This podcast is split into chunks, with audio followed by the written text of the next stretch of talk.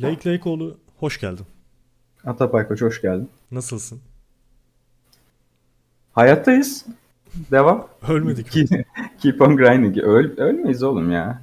Daha genciz. Bizi, bizi öldürmek o kadar kolay değil mi? Yok. Hemen durduk yere şey miyiz oğlum? Kolay kolay bayılmayız Sivri- diyorsun. Geçerken ölüyor falan. Di- dirençliyiz şey artık var. abi. Tabii canım. Haşerat ve böcekler ve haşerat konusunda da dirençliyiz artık. Çok fazla yüzleştiğimiz için böceklerle de. Abi şeyde vardı. Eee Koku'da vardı. O Jean Baptiste Grenouille işte ana karakter. Orada çocuk devamlı böyle hastalık kapıyor, bir şey oluyor falan. Çocuk bir türlü ölmüyor yani. Yaşamak için, şey yapmak için doğmuş sanki. Hakikaten öyle bir şey vardı. Bir türlü ölmüyor yani çocuk. İşte köle gibi bir şeyde o zamanlar. Alıp satıyorlar çocuğu falan böyle işçi olarak çalıştırıyorlar. Orada böyle bir hastalık kapıyor. Onu çalıştıran adam böyle ölecek bu diye falan kenara atıyor. Çocuk kendi kendine iyileşip kalkıyor falan. Böyle bir çocuk. Orada mesela şey vardı. Orada öyle bir tanım vardı. Şey diyor. Dirençli bir bakteri gibiydi diyor. Ölmüyordu diyor. mesela ben, ben bu tabiri kullanmayı aslında çok severim. Oradan duyduğum bir tabir. Dirençli bir bakteri gibiydi diyor. Çok şeyime gidiyor. Çok hoşuma giden bir tabir aslında. Koku bu şey değil mi? Kitabı da vardı sanki onun. Evet evet şeyin Pa- Patrick Kitabını Süskind'in. okumuştum. Evet. Aynen. Kitabını okumuştum diye hatırlıyorum. Filmini izlemedim de. Muhtemelen bu zaten- marfüm hikayesi. Evet evet bu şeyde geçiyordu muhtemelen zaten. Kitapta geçiyordu. E, bu kısmı. Ya kitabını da okudum ben. Filmini de izledim. Hı hı. E, bu söz muhtemelen şeyde geçiyordu. E, kitap, kitabında geçiyordu. Seviyorsun sen özlü söz seviyorsun ya. Evet. Senin gibi uydurmaları değil de gerçekten özlü sözleri seviyorum. Niye uy- hiç uydurmuşluğum yok bu arada. Beni boşuna suçluyorsun şu an. Gerçekten. Tamamen hayatın hayatın gerçeklerinden bahsediyorum. Tabii ki oğlum yani.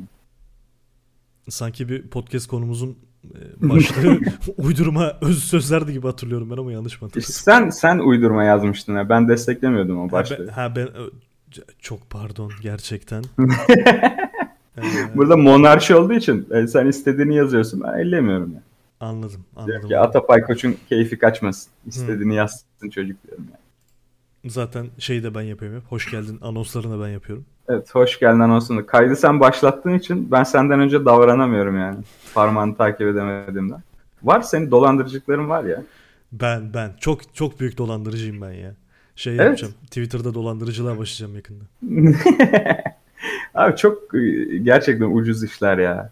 Kolay ama yani insan, insanları kandırmanın bu kadar kolay olması şey değil mi? Enteresan değil mi Atapay Koç? Bir şey diyeyim mi? Hani e, babamın yine bir lafı vardır. E, şey der. Anlatmışımdır belki daha önce. Benim derim incedir der.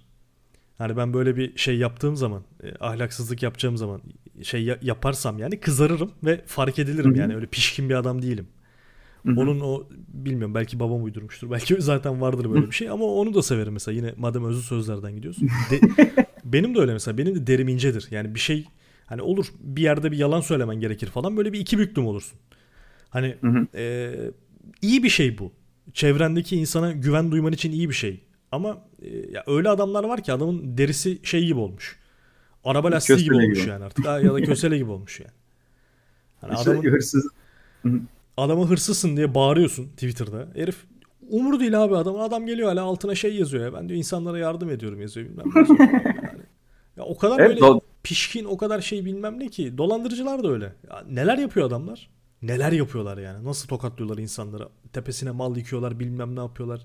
Hani e, çok böyle sadece zarar verme anlamında değil e, şeyler de var mesela kendi menfaati için yalan söyleyen o tarz dolandırıcılıkla e, ilerleyen şeyler de var işte devamlı böyle bir olmayan şeyler gösteriyorlar. Bakın bakın işte ben buradan 5 aldım. Nasıl 5 aldın? Setup'ı gören yok. Yani bir tane setup var. Hayali bir setup. Mesela gelmiş şey yapıyor. 5 dolara mesela farazi bir tane coin için. Adam abi 5 dolarda bir tane order block var tamam mı? 5 dolara emir yazmış. Stop'u Allah bilir nerede. Tamam zaten 3 dolarlık emir yazıyor oraya. Stop, stop koymasa da olur yani. Coin mesela 4.90'a kadar gelmiş. Onun emrini almış. Oradan yukarı çıkmaya başlamış.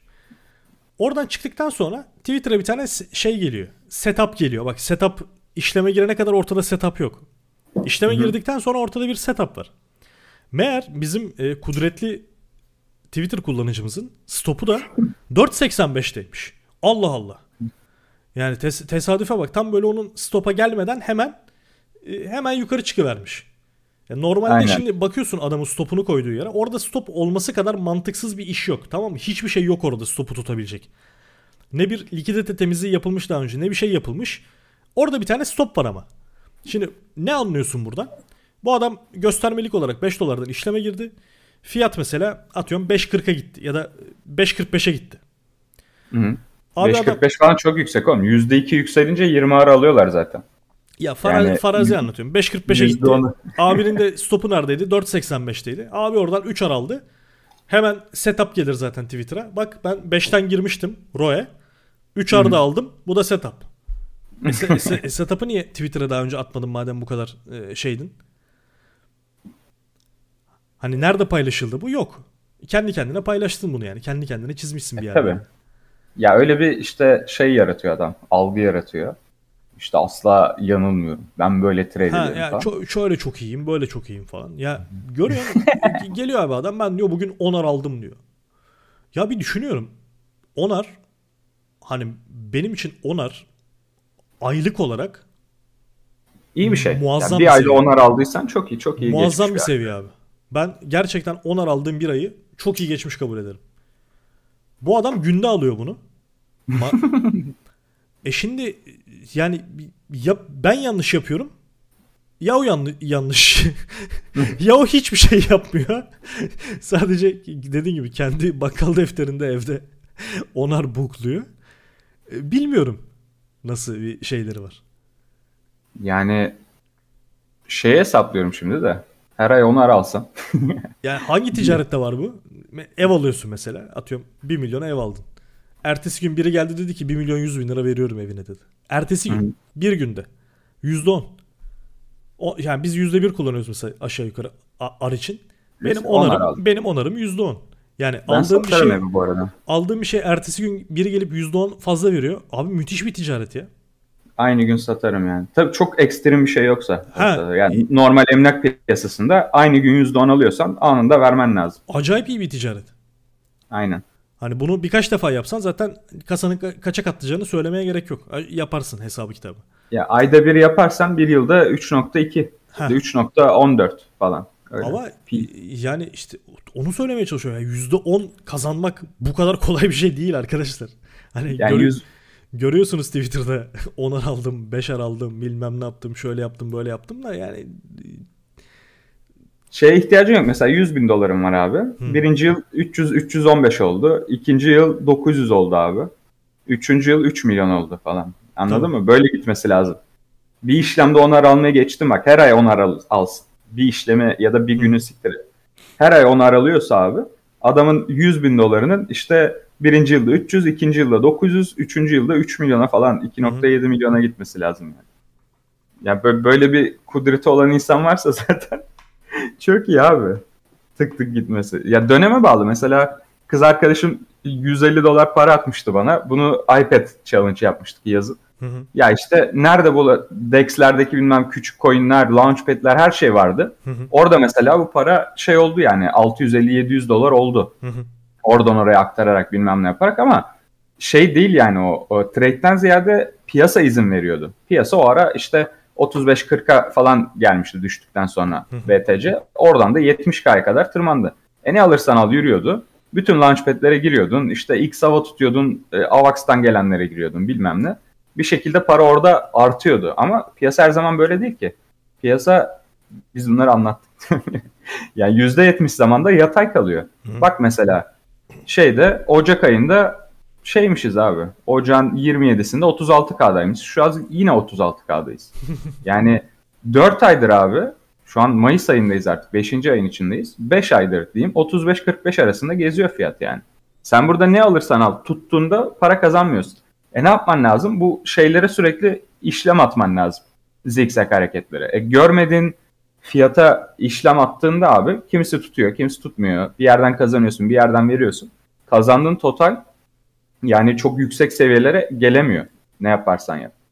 Yani bu piyasada senin zaten çok büyük böyle paralar kazanman önemli değil. Burada grinding diyorlar. Tırmalıyorsun. Hı hı. Yani %3-5 büyüsen, %10 büyüsen bu alanda çok iyi. Yani bunları yaptığın sürece e, piyasa tekrar yukarıya döndüğünde senin artık e, bakiyen büyümüş oluyor. Kazanabileceğin parayı büyütüyorsun. Aslında amacım bu burada. amacın 5x 10x yapmak değil ya. Bu burada 5x yapabilen yok zaten yani dünyada. Şu son 4 ayda 3x yaptım 5x yaptım öyle bir şey yok yani. Ya yaparsın canım 100 doların vardır 300 doların vardır yaparsın da yani atıyorum. Ya 100, şans olur abi o 100, başarı olmaz. 100 bin doların 300 bin doların falan varsa o para... yok öyle bir şey yok. öyle öyle olmuyor yani. O kamyon öyle şey gibi dönmüyor bisiklet gibi dönmüyor. Aynen, aynen öyle oluyor. Ya insanların gerçekten bu kadar kolay kandırılabiliyor olması enteresan. E, diğer taraftan dolandırıcıların kazanması da hiç enteresan değil yani insanlara bakınca. Böyle. Ben sana bir şey diyeceğim. Şimdi sen kız arkadaşına challenge yaptın. Niye bunu Twitter'dan Aha. paylaşmadın abi? Niye Twitter'dan paylaşayım? Yapsaydın abi ben iPad challenge yapıyorum. Twitter'dan şey yapacağım Hı. diye böyle.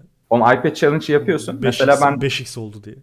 ben gidiyorum mesela Trader Joe'dan bilmem ne alıyorum. Oradaki pool'a koyuyorum. Pool'a koyduğunda faiz alıyorsun mesela. %200-250 APR veriyor. Atıyorum tamamen.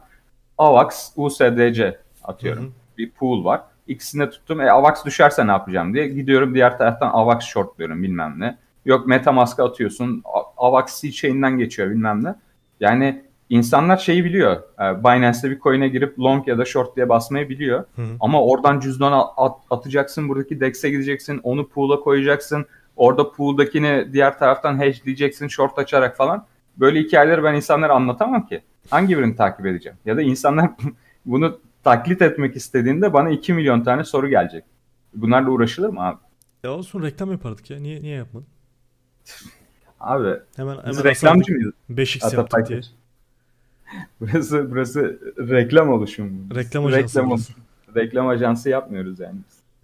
Yapamaz. Hiçbir şey yapmayan adam reklam yapacak tabii ki. Biz bir şeyler yaptığımız için reklam yapmıyoruz. İhtiyacımız yok yani ona. Güzel. Şey Kötü bir mantık tane. aslında. Böyle düşünmemek lazım. Biz yanlış olanı yapıyoruz.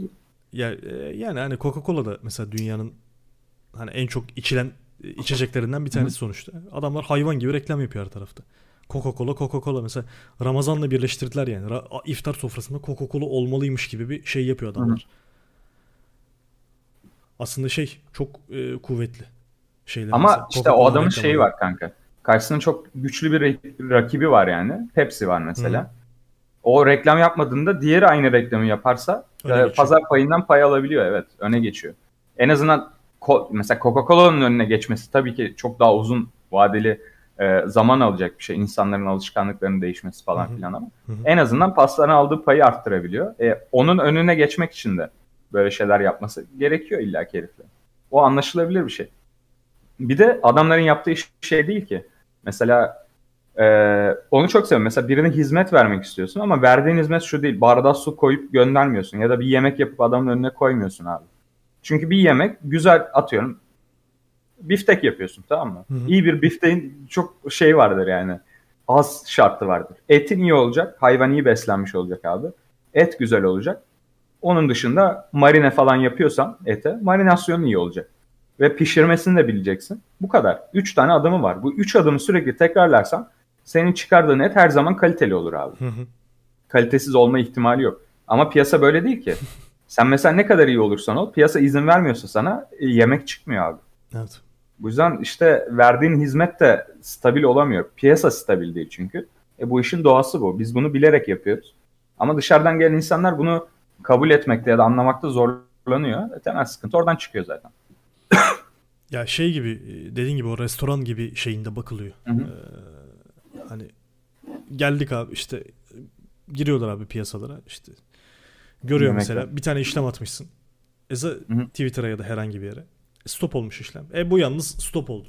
E e Ya olabilir abi. e şimdi bu stop olmayacak bir şey olsaydı zaten ben bunu evimi basardım. Arabamı basardım yani.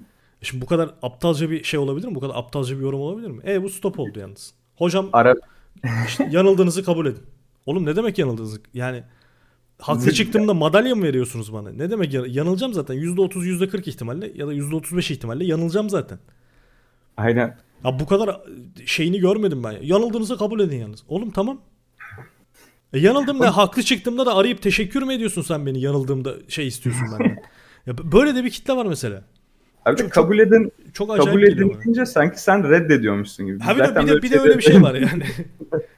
ben her zaman söylüyorum yani %70 civarında tahmin başarım var mesela. Ben biliyorum kendimi. Yani benim 10 söylediğimin 3'ünün yalan çıkması lazım zaten. Bunu Evet. kabul ederek ben işlem alıyorum.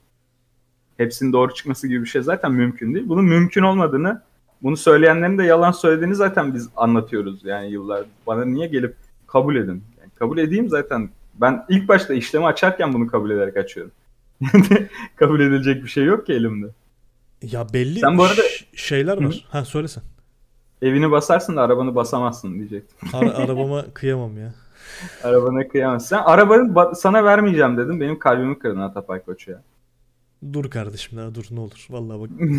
yani çok heyecan, heyecanım üstümde daha yeni. o. Bir test sürüşüne çıkmaz mıyız? Bir çeşme otobanında şey yapmaz mıyız? Gazlamaz mıyız ya? He- henüz çıkmayalım. Henüz çıkmayalım. Henüz çıkmayalım. Beni derinden yaraladın Ya sen Koç. sen sen gel İzmir'e de onu onu şey yaparız. Onu görüşürüz. Olur. Bakalım ne zaman geleceğim ya. Ne zaman de Karışık. Karışık ya. Normalde aslında Haziran'da, Haziran sonunda falan gelmeyi düşünüyordum da hı. şu anki işleyiş e, belki Ağustos'a kalır gibi duruyor. Hadi. Aynen. Porsche'den başlayacaksın ne yapacaksın? Bilmiyorum ya. Bir yerde bir yerde çalışmaya başlayabilirim. Biliyorsun zaten paradan ziyade şey sıkıntı kanka. Ünlü, ünlü fenomen, ünlü fenomen Leo şeyde BTC'de parasını batırdığı için mühendisliğe başlıyor. O bir şey değil mi ya? Hakikaten böyle bir şey düşünürler yalnız insanlara. Hakikaten böyle bir şey olduğunu düşünürler. İşte ya bunu grupta falan konuştuk da şeyde Hı. podcast'te konuştuk bilmiyorum. Ee, Burada oturum alabilmem için çalışmam lazım. Kimse Hı. sen trader'sın diye sana oturum vermiyor. Evet. O yüzden işte kalıcı oturum falan alabilmek için ya da vatandaşlık alabilmem için bir iki yıl falan çalışma zorunluluğum var benim Hı hı. an itibariyle. Ya onu bir şekilde doğu hizmeti gibi düşün. Dolduracağım abi. en azından bir iki yıl falan çalışmam gerekiyor bir Hı. vadede. Ya önümüzdeki bir yıl içinde bir işe girip bir iki yıl çalışmam gerekiyor. Bakalım ne olacak. Sene sonunda falan ya bu ekonomi iyice patlayacak gibi duruyor bana. Ne düşünüyorsun? Mesela Bilmiyorum. makro olarak bakınca. Ya borsalar falan da çok kötü. DAX dün %2,5 falan düşmüştü. DAX USDT yazıyorum bu arada önündeki ekrana. Abi bir şey değil mi? Ben ben de kafayı yedim yalnız. Her şeye böyle sonuna geçen şey yazdım. Gold USDT perp yazdım. Bak hani normalde XAU USD XAU USD yazarsın yani. Baya Gold USDT perp yazdım bildiğin. Şeyi açtım direkt yani. Binance'ten Gold coin'i açmaya çalışıyorum. Şeyim de Çok şey bozuldu. ya. Aynen benim de dengem bozuldu artık. DAX da mesela şu an 14K'da. Hı. Zaten 12.500'den falan sekti. DAX akümüle olup bence bir tur daha bir 10.000'e falan kadar düşeri var. 10.000'e 11.000'e kadar düşeri var. Yani piyasa da çok hoş değil. Enflasyon her yerde çok yüksek. Hala millet geçici meçici diyor ama ne Amerika'daki ne Avrupa'da. Amerika'yı hadi boş ver de. Avrupa'daki böyle ay geçici işte şey arz azaldığı için talep çok fazla geliyor o yüzden falan diye hikayeler var da ben öyle düşünmüyorum yani işi. Almanya'da mesela duvar yıkıldığından beri böyle bir enflasyon görülmemiş abi. Bana denk geliyor. Ben bu arada bir yıldır deyince abi işte buradaki ekonomi öyle kötü, şöyle kötü, bu böyle sıkıntılar var. Şey falan yazıyorlar işte. AKP'lisin yani falan. ne alakası var abi? Almancı dayıyla Almancı dayı götünden sallıyor. Ben görerek söylüyorum yani. Bundan 20 yıl önce Alman ekonomisi çok güçlüydü. Şu an güçlü değil abi. Çok ciddi sıkıntıları var. Ya Türkiye, korona Türkiye'ye göre hikayesinde- hala güçlü canım. Türkiye'ye göre hala çok güçlü. Evet ama kıyasın bu değil ki abi. Almanya yani dünya ihracat şampiyonlarından birinin ekonomisine bakıyorsun. Mesela Stuttgart'ı söyleyeyim ben. Sadece Stuttgart'ta abi merkezi olan firmalar bak. Mercedes. Mercedes'in yaklaşık 90-100 bin çalışanı var sadece Stuttgart'ta. Stuttgart'ın nüfusu 600 bin bu arada. Burası öyle çok büyük bir şehir falan değil yani. Hı hı. Baya küçük. Isparta'nın nüfusu kaçtır abi? 600 bin yoktur gerçi orası da. Yani Eski, Eskişehir'de bir, belki 1 milyon vardır. Yani düşün bak küçük Hemen şehirleri bakalım. düşünüyorum. Onlar bile daha şey. Eskişehir nüfusu 887 binmiş. Eskişehir'den daha küçük Stuttgart. Burada Nasıl? merkezi olan firmalar bak Mercedes, Daimler buranın merkezi. Porsche buranın merkezi. Bosch buranın merkezi. Male var. Male'nin merkezi burası mı emin değilim. Male bayağı büyük bir motor üreticisidir abi Hı hı. şeyler için. İşte otomotiv firmalar için falan. Bunların bir sürü yan firması var. Bunlara iş yapan. İşte FFA'sıdır, AFA'lidir bilmem ne. Bir sürü farklı yerlerden gelen ama çok büyük işler yapanlar var. E, mühendislik yan hizmet firmaları var. Mesela adam mühendislik firması. Firmalara şey veriyor. Mühendis veriyor, alıyor, veriyor falan. Yani böyle bir sektör neredeyse Türkiye kadar ekonomisi var 600 binlik bir tane şehrin abi. Münih falan da bu ayarda. Yani şimdi buradaki şeyi görüyorsan, e, teknolojik mirası görüyorsan, bu adamların bu kadar elinde imkan varken, bu kadar parası varken bu kadar işleri kötü yönetmesi direkt gözüne batıyor. O yüzden bunun kıyası Türkiye değil. Mesela Almanya'yı Amerika ile kıyaslarsın. İki tarafın da mesela gelişmişlik seviyesi benzer abi. İşte Amerika atıyorum aynı enflasyonla %5 büyürken Almanya %1 büyüyebiliyorsa Almanya'da bir şeyler çok ters gidiyordur yani. Çünkü bu sefer iki tarafta faiz arttırdığında küçülmeye vesaire gittiğinde Almanya çok daha ne denir ona? Çok daha kolay takla atabilecek pozisyonda kalıyor. E bu tarz şeyleri değerlendiriyorsun. Götünden atmıyorsun yani. Burada ekonomi baya kötü ve ya ben bilerek aslında Euro'nun e, şeyini değerini düşürmeye çalıştıklarını düşünüyorum. Mesela Euro dolar chartına bakalım abi. 1.05 galiba şu an. Yani oğlum Euro çöp oldu. Şey Aynen, düşünebiliyor musun abi? Koca Almanya'nın resmi para birimini tutacağımı elimde teter tutup faize yatırıyorum abi. Acayip kardayım. Hem Euro'nun değeri Tether karşısına düşüyor hem ben Tether'e %11 faiz alıyorum. E şimdi bankaya paramı koysam para koyamıyorum. Çünkü 100 bin euro falan para koyduğunda bu sefer şey negatif faiz işliyor abi. Masraf kesiliyor. Yani 476 günde %15 düşmüş abi euro. Yok olmuş ya. Çöp olmuş yani para. Yani inanılmaz kötü durumda. O yüzden bu işin bence büyük bir krize evrilmesi çok mümkün. Şu an 3 var bu arada Euro dolarda. 3 günlükte. 3 günlük 3 var. Bakalım çalışacak evet, mı? gördüm. yani bilerek Euro dolara eşitlendi abi neredeyse. Geldiğimiz rezilliğe bak. Benle dalga geçiyordu millet tamam Komik Bildiğin ya. şey. Gerçekten ya komik Alm- ya. Almanya'daki enflasyon dedim ya duvar yıkıldığından beri hiç bu kadar yükseğe çıkmamış. Daha öncesinde de sanıyorum işte bir 40 yıl önce falan bu civarlardaymış enflasyon. Ama mark üzerinde %11 faiz varmış. Ya Almanya %11'de tutuyormuş faizi. Şu an %0 neredeyse. Aynı enflasyon var ve açıklanan enflasyon. Yani gerçeği daha farklı. Açıklanan enflasyon bile bu haldeyken e, sen daha önce aynı enflasyonu gördüğünde %11 faiz veriyormuşsun. %8 enflasyona. Şu an %0 veriyorsun. Demek ki şey yapmak istemiyorsun abi. Yani e, euronun değerini toplamak istemiyorsun. Bilerek bir şey yapmak var. E, şimdi Ekim'de Kasım'da falan burada asgari ücrete %30 zam gelecek. Asgari ücretli çalışan sayısı az. Aslında Türkiye'deki gibi etkilemiyor. E, burada asgari ücrete gelen zam fiyatları. Türkiye'de çünkü asgari ücrete atıyorum %30 zam yaparsan her şeyin fiyatı %30 çıkıyor. Çünkü Tabii. ülkenin yarısı zaten asgari ücretle çalışıyor. Ona zam yaptığın an her şey zamlanıyor. Ama işte e, en temel maaşa yapılan zammın şöyle bir sıkıntısı var. Atıyorum asgari ücret alana %30 zam yaptı. Onun bir üstünde alana %20 zam yapılıyor. Onun bir üstüne %10. Mühendise doktora falan çıktığında %3-5'e düşüyor.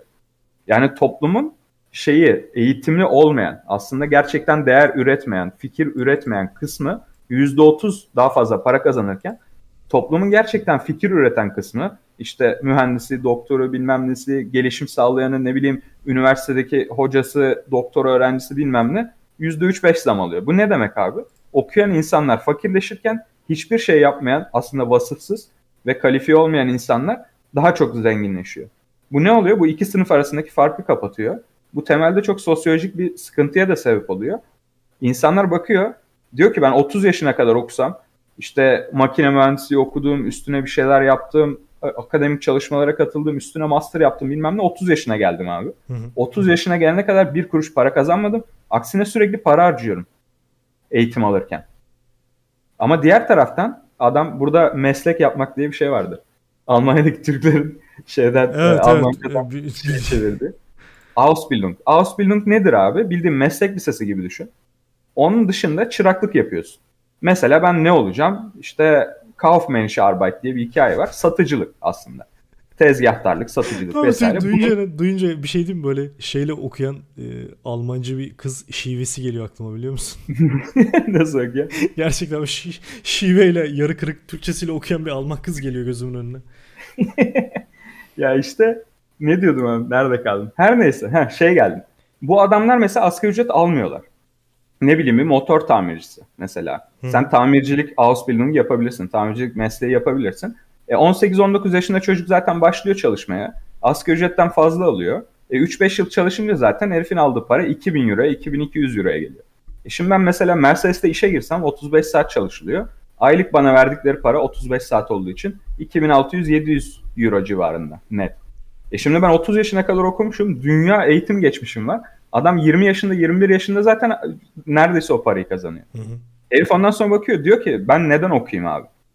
30 yaşına kadar geldiğinde çünkü mesela ayda 2000 euro bile ortalama kazandığını düşün. O herif 10 yıldır, 11 yıldır, 12 yıldır çalışıyor oluyor.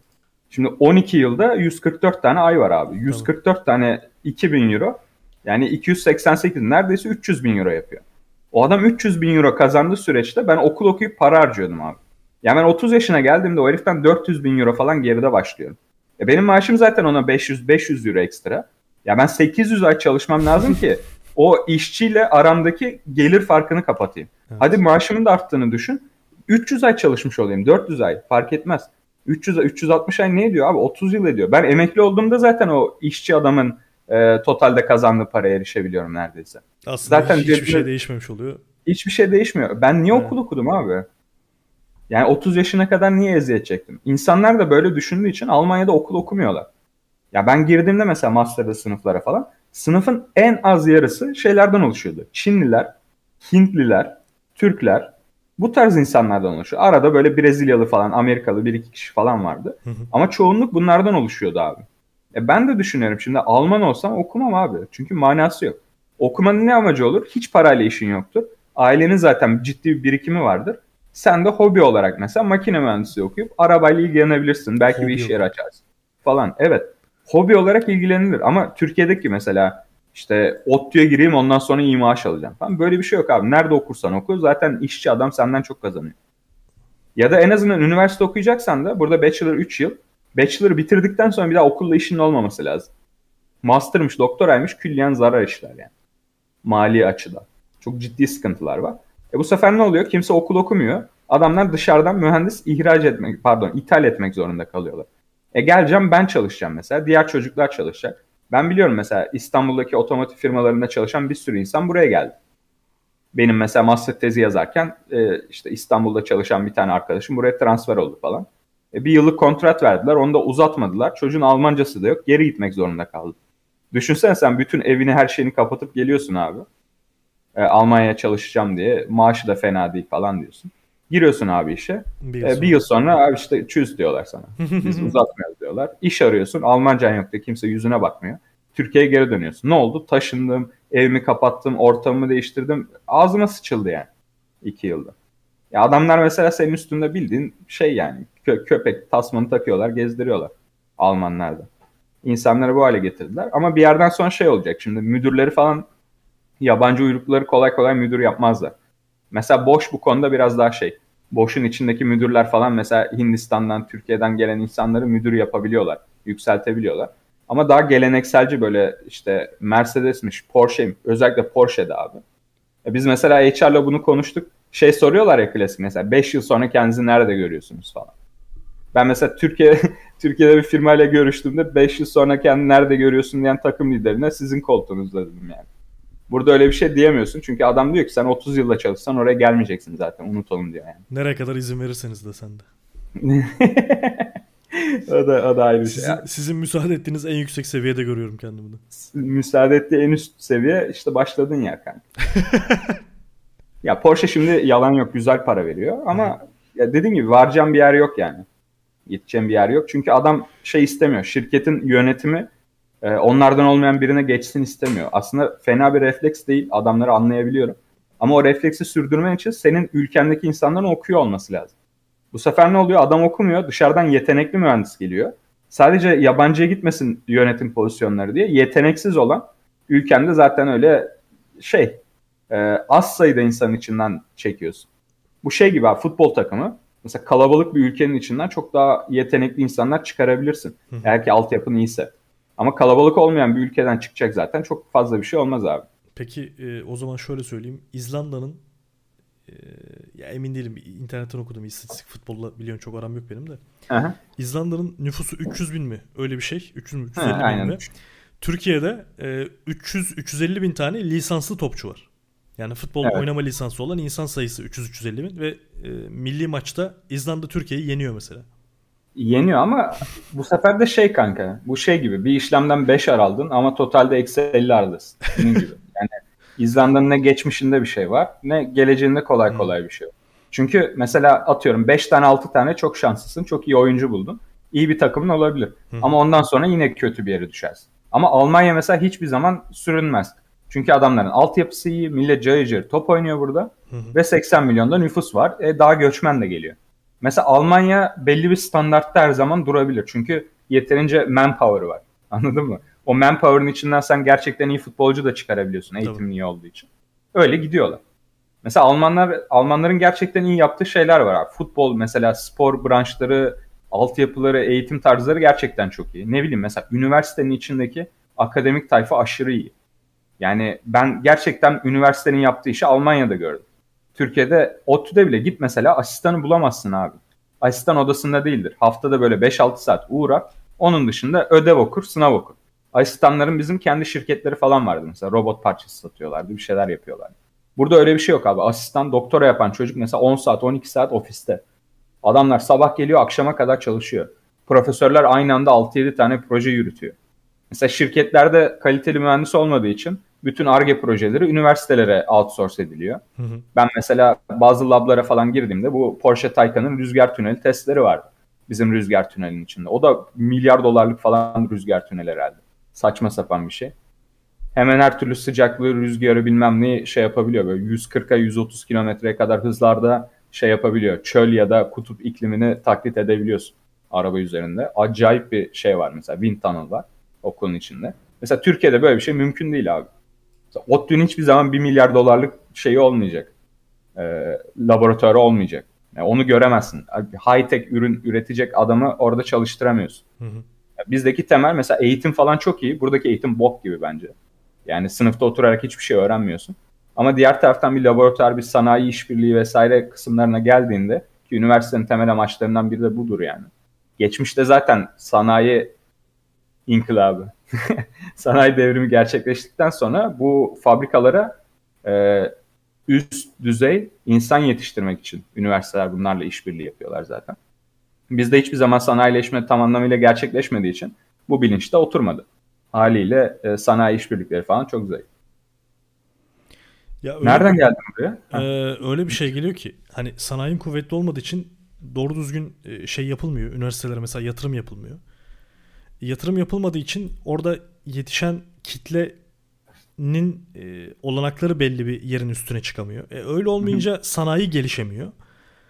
E, aslında öyle bir şey ki çember aslında devamlı birbirini takip ediyor. Ya dedin ya işte mesela o rüzgar tüneli şeyde yok. İşte Türkiye'de ODTÜ'de bile yok. Almanya'da var. E Almanya'da oraya Para o var. yatırımı e, para var. E şimdi o rüzgar tüneliyle bir şeyler yapabilecek e, parası var adamların. Yani onu getirdiğinde oraya. E şimdi Türkiye'ye getirsen o rüzgar tünelini ne yapacaksın? TOG'da mı kullanacaksın? Nerede kullanacaksın?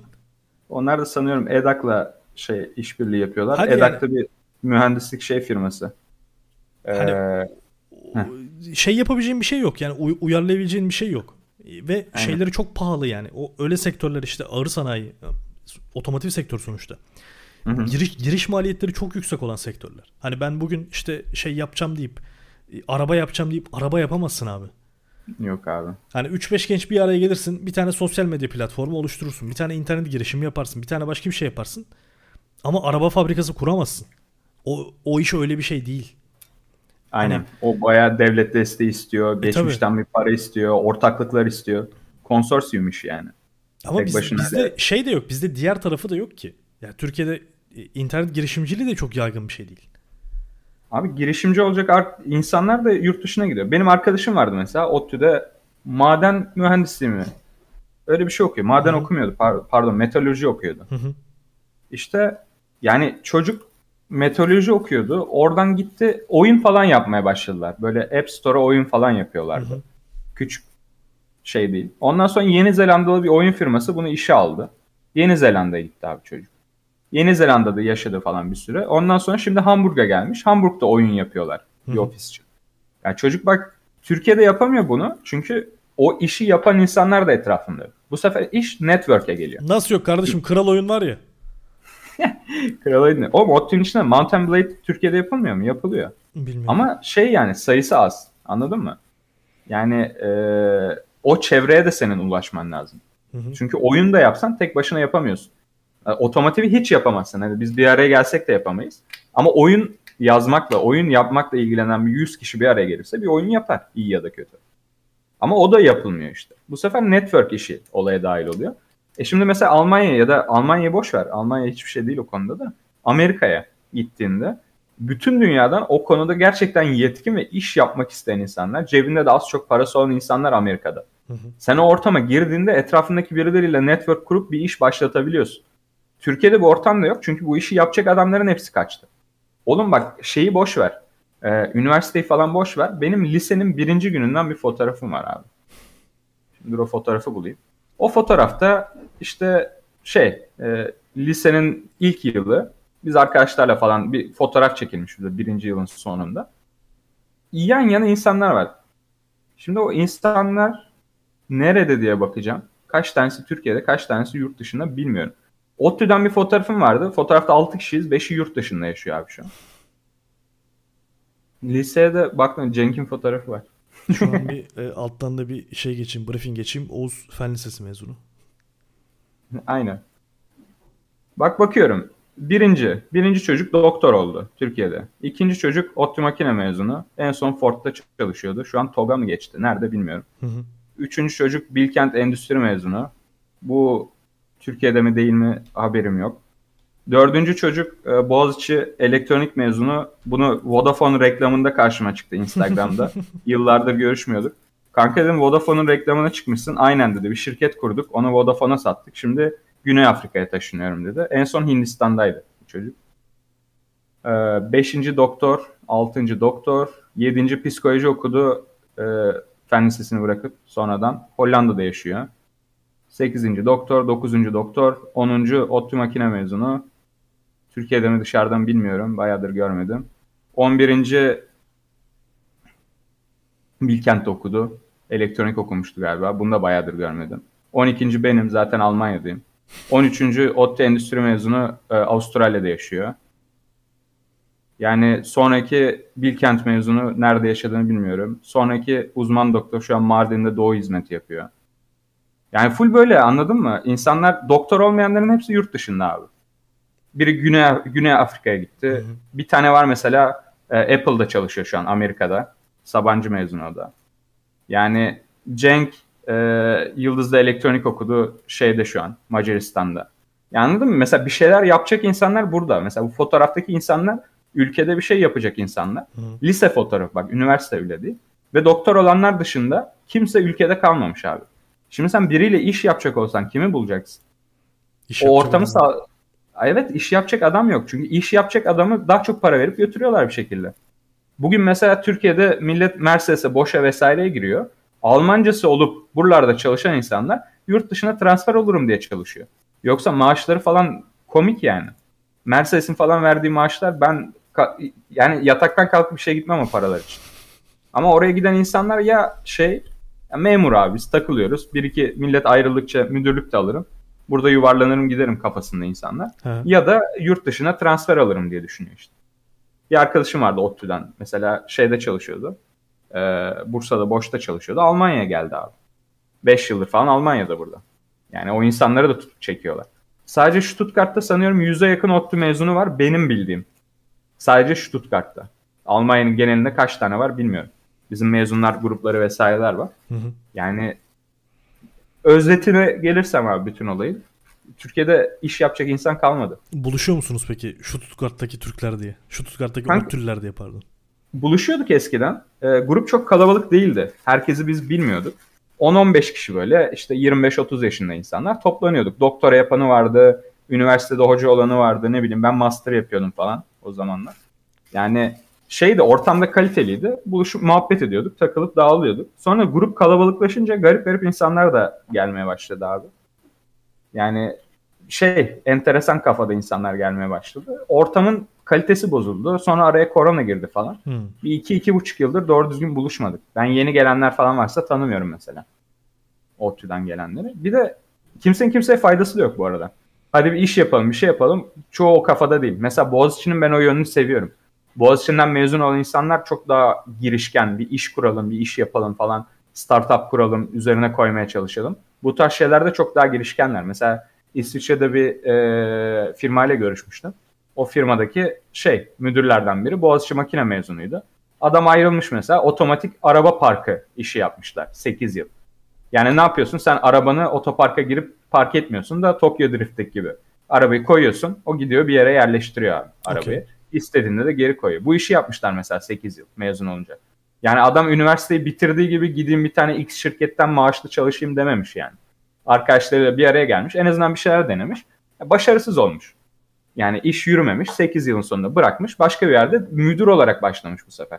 Çünkü 8 yıldır kendi şirketini yönetiyor zaten. Herif. Aynen öyle. Aynen öyle. Yani. Oraya oraya gelecektim aslında. Bir şey diyeyim mi? O hani üniversiteden yeni mezun olduğun dönem hatta ondan bile öncesi aslında üniversitenin içinde olduğun dönem bir girişim yapabilmek için en güvenli alan. Ve insanlar burayı boş geçiriyorlar. Yani e, Türkiye için konuşuyorum özellikle.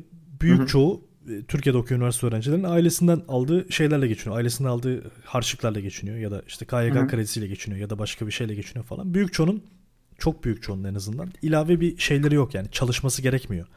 Ee, şey Hı-hı. yapmak için. E, hayatını idame ettirebilmek için. Tabii ki durum farklı olan insanlar da vardır. Onları bir kenara Hı-hı. bırakıyorum. Fakat vaktin var. E, maddi bir kaygın yok. Ailen destek oluyor arkanda. Abi neden neden bir şey yapmıyorsun? Ya o kadar aslında elverişli bir şey ki şimdi 30 yaşında işte evliyken işte çocuğun varken bilmem neyken falan bir girişimde bulunmakla üniversitede okurken veya yeni mezunken bir girişimde bulunmak çok farklı. Bir heve, hevesin var, gençliğin var, enerjin var. Ondan sonra e, riskin yok. Kendinden başka aileye bakmıyorsan falan öyle bir riskin yok. O, orada çok önemli ve adamın aslında 8 yıl sonunda batması bile yani battı mı şey yaptım bilmiyorum dediğin gibi. Ya ama batmamış ama şey değillermiş yani başarılı değilmiş iş yürümüyormuş yani. Abi o, Gelecek görmediklerinden bırakmış. O 8 yıl o adama çok şey katmıştır. Tabii canım. Yani o adam bir başkasının yanına girip bir e, mühendis olarak bir şey başka bir iş yapsa 8 sene öğrenebileceğinden çok daha fazla şey öğrenmiştir kendi işini yaparak. Bak kendi işini yapmanın en büyük şeylerden bir tanesi de bu. Her şeyi sen yapmak zorunda olduğun için gerek görev dağılımlarını gerek e, başkalarına paslayamadığın işleri yapman gerekiyor. Bir yerde eksik oldu mu sahip olarak senin onu tamamlaman gerekiyor ve çok hı hı. geniş bir perspektiften aslında sana tecrübe katıyor. Hiç daha önce yapma, yapmadığın şeyleri yapma fırsatı buluyorsun. Başkasının yanında çalışırken öyle değil. Başkasının yanında çalıştığında bir görev tanımın var. Önüne iş veriyorlar. Görev tanımında değilse bu benim görev tanımında değil diye başkasına paslıyorsun. Ve öyle bir ortamda o kadar fazla gelişemezsin. Ama kendi işini yaptığında bir şekilde bulup buluşturman gerekiyor tamam mı? Onu yapman gerekiyor. O ortamda işte stresle mücadele etmen gerekiyor. Sorumluluk tepene biniyor. Altında insan varsa onların e, şeyleriyle mücadele ediyorsun. Yani e, onların maaşları var, onların dertleri var, bilmem neler var falan. Onlar da ayrı bir sorumluluk yüklüyor. Ve böyle bir ortamda daha çok gelişiliyor. Zaten kendi işi olan insanlar daha fazla çalışıyorlar. Evet. Hele yeni kurdularsa. Yani e, şey diyorlar mesela birinin yanında mühendis olarak çalışıyorsun günde 8 saat. Abi kendi mühendislik firmanı kursan 8 saatten çok daha fazla çalışırsın emin ol. Kesinlikle. Çalışmak zorunda kalacaksın Aynen, zaten. Me- mecbur oluyorsun ve hem daha fazla çalışıyorsun hem daha geniş yelpazeden iş yapıyorsun hem daha çok sorumluluk alıyorsun. Yani normalde senin 5 yılda belki bir mühendis olarak kazanacağın tecrübeyi e, kendi şirketinde 2 yılda kazanabiliyorsun aslında. Hani şey olarak gelişmişlik seviyesi olarak. Tabii bir de şey tarafı da var. Sosyal tarafı da var. Biz şimdi sadece kripto işi yapmıyoruz. Mesela farklı girişimler vesaireler de var. Hı hı. Farklı girişimler için iş toplantıları yapıyoruz. Mesela ben yatırım yapmayı düşündüğüm bir şirketin CEO'suyla görüşüyorum abi Teams'te. Şimdi sen bir X firmada X bir mühendissen, bir takımın içinde bir mühendissen senin bir CEO ile görüşmeni gerektirecek hiçbir şeyin yok abi evet. hayatta. Hiçbir şeyin yok. Sen asla şey yapmıyorsun yani öyle bir sosyal kontak kurmuyorsun. Bu sefer ne oluyor? Senin networking şeyin de azalıyor. Çünkü senin network'ün etrafında çalışan insanlardan ibaret oluyor. Ama mesela bir, yer, bir yere yatırım yapıyorsan, real bir iş yapacaksan o şirketlerle ben gidip bir X şirketin CEO'suyla pazarlık yapıyorum mesela. Fiyat konusunda, bir şey konusunda. Diğer taraftaki bunu da kazanmıyor. Yani aslında çok farklı seviyelerde iş yapıyoruz. Şey gibi düşün abi, bir orduda ersen generalle görüşemezsin. Ama mesela bir yemek firman var, orduya yemek sağlayacaksın. Bir general mesela o işin sorumlusuysa görüşebilirsin. Hı hı. Bunun gibi. Sen içerideki er olarak ulaşabileceğin yer hiçbir yer oluyor. Ve o network'e kısılıp kalıyorsun. O yönden tatsız. Yani girişimcilik yapılması gerekiyor. Özellikle mesela yazılımcılar konusunda. Yazılımcıların sürekli yeni projelerle geliyor olması lazım. Çünkü bedava. Şimdi Aynen. senin dediğinde öyle bir eksiklik var. Mesela adamın vakti var ama mesela ailesinden parayla geçiniyor. Vakti de var ama bir şey yapacak parası yok.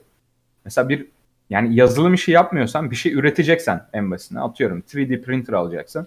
Bir şey üretip satacaksın bunu pazarlayacaksın Hı-hı. falan. O 3D printer'ı almak bile mesele. Çünkü çok ucuz aygıtlar değil. Ya da bir CNC makinesi ufak bir parça. Ben motorlara parça üreteceğim de. Hortum üreteceğim. Hortumlara ek üreteceğim de. Çok basit bir iş. Ama bunu yapmak için kaynağa ihtiyacım var. CNC makineye ihtiyacım var. Acayip pahalı şeyler. Yani özellikle iyi kalitede yapabiliyorsan, yapmak istiyorsan. O yüzden yani alanlara da çok kısıtlı. Mesela bir yazılımcı çok ucuza cidden para kazandıracak projelerle gelebilirken mesela şey kaç paradır abi yapmak? Ne bu? Kuş falan fırlatıyorlardı. Salak bir oyun vardı. Şey Angry Birds. Angry Birds. Aynen. Angry Birds'ü ka- kaç paraya mal olmuş olabilir ki abi oyunu yapmak? Hiçbir şeye mal olmuştur yani. Evet. Ama mesela bir sürü insana, şimdi milyonlarca diyeceğim, muhtemelen öyledir ama net bir sayıda bilmediğim için sallamak istemiyorum. O kadar insana tıkır tıkır ulaştırdın. Ne yaptın abi? Ee, şey ödemedin. Ee, bir şey postaladığın için ücret ödemedin. Yani Hı-hı. kargo paran yok abi. E, üretim maliyetin yok. Sadece bir tane bilgisayara ihtiyacın var ve kafaya ihtiyacın var abi. Bu yok. Pazarlaması kolay. Hazırda bir marketplace'in var. Mesela bir e, makine parçasını ürettiğinde onu satman, pazarlaman da dert. Ama diğeri o kadar dert değil. Koyuyorsun abi App Store'a. Zaten App Store kocaman bir marketplace abi. Oradan mesela 1 milyon insan birer dolar alsa oyunu yani 1 milyon dolarlık iş yaptın işte. Yani buna ulaşım yazılımla artık yazılımın getirdiği şey burada aşırı kolay. Yani o eski sanayi devrimiyle beraber gelen alışkanlıkların tamamen dışında. O yüzden yazılımsal iş yapanlar daha kolay yapıyor. Ya da sadece yazılım olmasına gerek yok. Mesela tasarımcısın. Tasarım da mesela şeydir 10 kişi koy bir tane sandalye çizinde. Bir tanesi çok yetenekliyse onun çizdiği sandalye çok daha iyi olur. Ama o sandalyeyi çizmek için herhangi bir kaynağa ihtiyacı yok. Kişi olarak kalite olması yeterli. Designer olarak kaliteli olması yeterli. Ve bu dizaynı satabilir abi. Bu dizaynı satmak için de işte büyük lojistik masrafları falan yok. Hı. Bu mesela freelance çalış. Freelance çalışılabilen işler genelde ciddi şey var. E, fiyat performans dönüşü var. Yani çünkü cost'un çok düşük. Harcadığın paralar çok düşük. Ama diğer taraftan bizim eski kafa makine mühendisine, elektronik mühendisine falan geldiğinde işler değişiyor. Yazılım satmıyorsan, eğer ki reel bir şey üreteceksen o senin maliyetini arttırıyor. Gerçi elektronik bir tık daha iyi. Çünkü şey, yani robotik falan yapabilirsin mesela. Parçalar yapabilirsin. Birileriyle anlaşıp bir şeyler verebilirsin falan. Onlar da küçük, yani çok küçük bir parçanın büyük maliyeti olduğu için e, lojistik dezavantajın azalıyor. Ama makine parçası öyle değil. Ya ben evde gidip de şey şanzıman dişisi yapamam yani. Ya evet evet elektronikte yani eğer devre tasarımı yapabiliyorsan altına gömülü yazılım yapabiliyorsan hı hı. yani nasıl diyeyim hani 10 dolara 20 dolara falan onların her şeyini lehimletmesini devre kartı basımı bilmem nesini falan hı hı. E, entegresini çipini otunu bokunu hallettirebilirsin. Yani çok aslında çok çok büyük maliyetler değil ama elektronik tek başına bir işe yarayan bir şey değil yani elektronik bir şeye hayat vermesi lazım. Tabii canım. Yani tek tek başına elektronik bir işe yaramaz. Elektronik makineyle birleştirirsen ya da başka bir şeyle birleştirirsen genellikle bir anlam taşıyan bir şey. Aynen öyle. Yine yine en iyi para Atapaykoş bu kadar konuştuk. Yazılımda. Trade'de var. Trade'de mi? Trade'de. Ya Alsat'ta var daha doğrusu. Trade dediğim sadece şey değil. Bitcoin Alsat falan değil yani. Bir şey alıp... Tüccarlıkta diyorsun. Evet. Bir şey alıp daha yüksek fiyatla parayla bir yere satabiliyorsan cidden güzel para kazanabiliyorsun. Çünkü scalability'si var. Mesela atıyorum sen gidiyorsun abi çiçek alıyorsun tamam mı? 10 liraya çiçek alıyorsun. Almanya gelip 100 liraya satıyorsun. Hı hı. Ne kadar çok çiçek alırsan o kadar para kazanırsın. Hı, doğru. Hani 100 lira 100 lira yerine 90 liraya satarsın ama sattığın miktar çok arttığı için yine çok fazla para kazanacaksın. Scalability'si var yani bu işten. Bunlardan gerçekten güzel para kazanılıyor. Bir de hırsızlık ve dolandırıcılık var ama ona biz girmeyi tercih etmiyoruz. Ya ahlaksız yoldan gitmek istersen aslında yapabileceğin çok şey var. Çok fazla şey var gerçekten. İnsanlar da buna bayağı uygun. Evet. Öyle ya. Atapay Koç arabayı ne zaman değiştiriyoruz ya? Ben sen parayı kıydın da ben kıyamadım hala şey yapıyor. Ne alacağım peki? Ya sen artık Porsche geçersin buradan. Yani kararsızım ya. Aslında üstünde oynayabileceğim bir şeyler istiyorum. E şimdi Porsche alırsan BRZ üzerinde mi? çok oynamak oynamak mümkün değil. Ya BRZ olabilir ama BRZ de bir tık ya yeni kasası fena değil gibi ama eskisinin içi falan çok kötü. Isınamıyorum yani Hı. arabaya bir türlü. E ne kadar yeni Ama- BRZ'ler orada? 25 bin euro falan da ne kadar olacak? Ya 35-40 vardır ya. Var mı o kadar? Bakmadım da. Vardır herhalde. Girelim abi. Bak bakalım. Hemen Su- Subaru'nun sitesine. Subaru buradan bana ulaşabilirsiniz reklam için. BRZ reklam yapıyorum. Model BRZ yok bile Subaru'nun sitesinde. Neden abi? Toyota'da GT86 bakalım. Neuwagen. Bu arada acayip güzel arabalar çıkıyor Toyota'dan ha. Şey var. Bu ara çok görüyorum mesela. Bu şeyin Yaris'in GR'ı var. GR Yaris tam bir minik şey. Rally arabası. Dört çeker falan. Bir de şey böyle ufak benim çok sevdiğim ufak özellikleri var. Şey yapıyorsun mesela el frenini çektiğinde senin için debriyaja basıyor abi araba. Yanlarken rahat et diye. Stop etmiyor yani. Normalde el freniyle dönerken debriyaja basıp el freni çekersin. Araba mesela sadece el frenini çekebiliyorsun. Debriyaja kendi basıyor. Mesela el frenini söküp bir tane hidrolik el freni taktığında bildiğin rally arabası olacak. Şanzımanı da değiştir sıralı at. Takır takır böyle vurarak. Tam öyle yapmalık bir araba. Mesela ikinci ne araba diyor? olarak. Se- Sequential şanzıman diyorlar ona. Aynen sequential. Şey gibi motosiklet şanzımanı. Evet evet. Ee, yeni GR86 gelmiş. Varta liste diyor. Şu an e, teslim etmiyorlarmış ama listeye kaydoluyormuşsun. 34 bin Euro'dan başlıyor. Lease'lemek istersen de aylık 350 Euro diyor. Abi Yani çok güzel ya. Gerçekten çok güzel ya. Arabayı yüz- yüzde biri fiyatına leaseleyebiliyorsun. Ya tabii ama e, kişisel leasingde şöyle bir sıkıntı var. E, şirketten eğer şirketin üzerinden lease yaparsan brüt kazancın üzerinden düşülüyor lease parası. Yani aslında sen %40-45 vergi ödeniyor burada. Hı hı. Milyonlar kazanmıyorsan normal mesela 100 bin euro falan kazanıyorsan yıllık. %45 civarı total vergin var abi. Hı hı. O işte e, şirketin üzerinden arabayı kiralarsan arabanın da %45'i ücreti e, senin verginden düşüyor. Hmm. O yüzden çok avantajlı oluyor. İkincisi şirketler toplu olarak araba kiraladığı için iade ederken orasında çizik var, burasında ufak bilmem ne var diye bakmıyorlar. Ama sen kendi başına eğer ki araba kiralıyorsan ve arabayı lease ettikten sonra geri vermek istiyorsan geri alırken her yerindeki çizikler için ekstra maliyet çıkarıyorlar sana. Öyle sıkıntıları oluyor. Ve net maaşından ödemek zorundasın kendi leaselediğin arabayı. Hmm. Yani Porsche leaseledim mesela 600 euroya. 600 euroya leaselediğim Porsche kendim leaselediysem 600 euro direkt cebimden çıkmış oluyor. Maaşımdan vergiler düşüldükten sonra. Anladım, Ama Porsche'de anladım. çalışırken leaselersen yarı fiyatına geliyor. 300-350 euroya şey Cayman'e binebilirsin. Mesela Porsche'de çalışıyorsam leaselerim. Başka araba leaselemem yani. Direkt Cayman mı? Ya aynen 718 herhalde ya. Ya ben kullandım o arabaların hemen hepsini kullandım. İşte Taycan'ı, Panamera'sı, 911'i, farklı versiyonları, Cayman, GT4'ü bilmem nesi. E, testinde çalıştığım için. Hı hı. E, kontrol etmesi çok zor abi 911 falan. İnsanlar araba binmedikleri için, hiçbir 911'in direksiyona oturmadıkları için şey sanıyorlar. Bu, arabayı alıyorum böyle uçuyorum falan. Bir de biri şey yazmış abi bana. İşte abi 300'de giderken arabanın direksiyonu tutmaya bile gerek yok. Bunu işte sürücülüğe ne gerek var falan. Abi yani şey yapmıyorum ki ben arabayı kullanırken sen ne zaman uçak pistine çıkıp dümdüz yolda gidiyorsun? Bu zevkli bir şey değil ki. İnsan zaten hızı hissetmiyor. İnsan hızı anlayamaz. Böyle düşen uçaklar var. Evet. İnsan hızı hissedebiliyor olsa uçaktakiler, pilotlar bunu düşürmezler. Kaçla gittiklerini bilmiyorlar. Mesela göstergeler yanlış. Arabanın arabanın diyorum uçağın bir taraf mesela çok hızlı gidiyorsun diyor. Bir taraf çok yavaş gidiyorsun diyor. Çok hızlı gidiyorsan uçağın kanatları kopacak abi.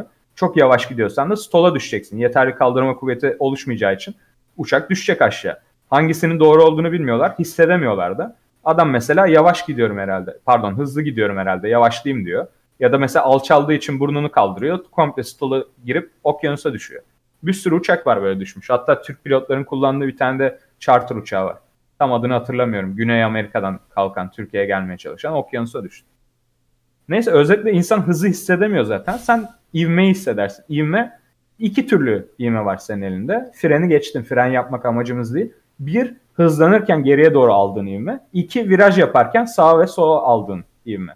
Sen bana zevk veren şeyler bunlar zaten. Ben arabayı alacaksam 300'de sabit gideceksem arabanın bana bir olayı yok ki. 100'de de gitsem, 1000'le de gitsem, 300'de de gitsem aynı hissi verecek araba bana.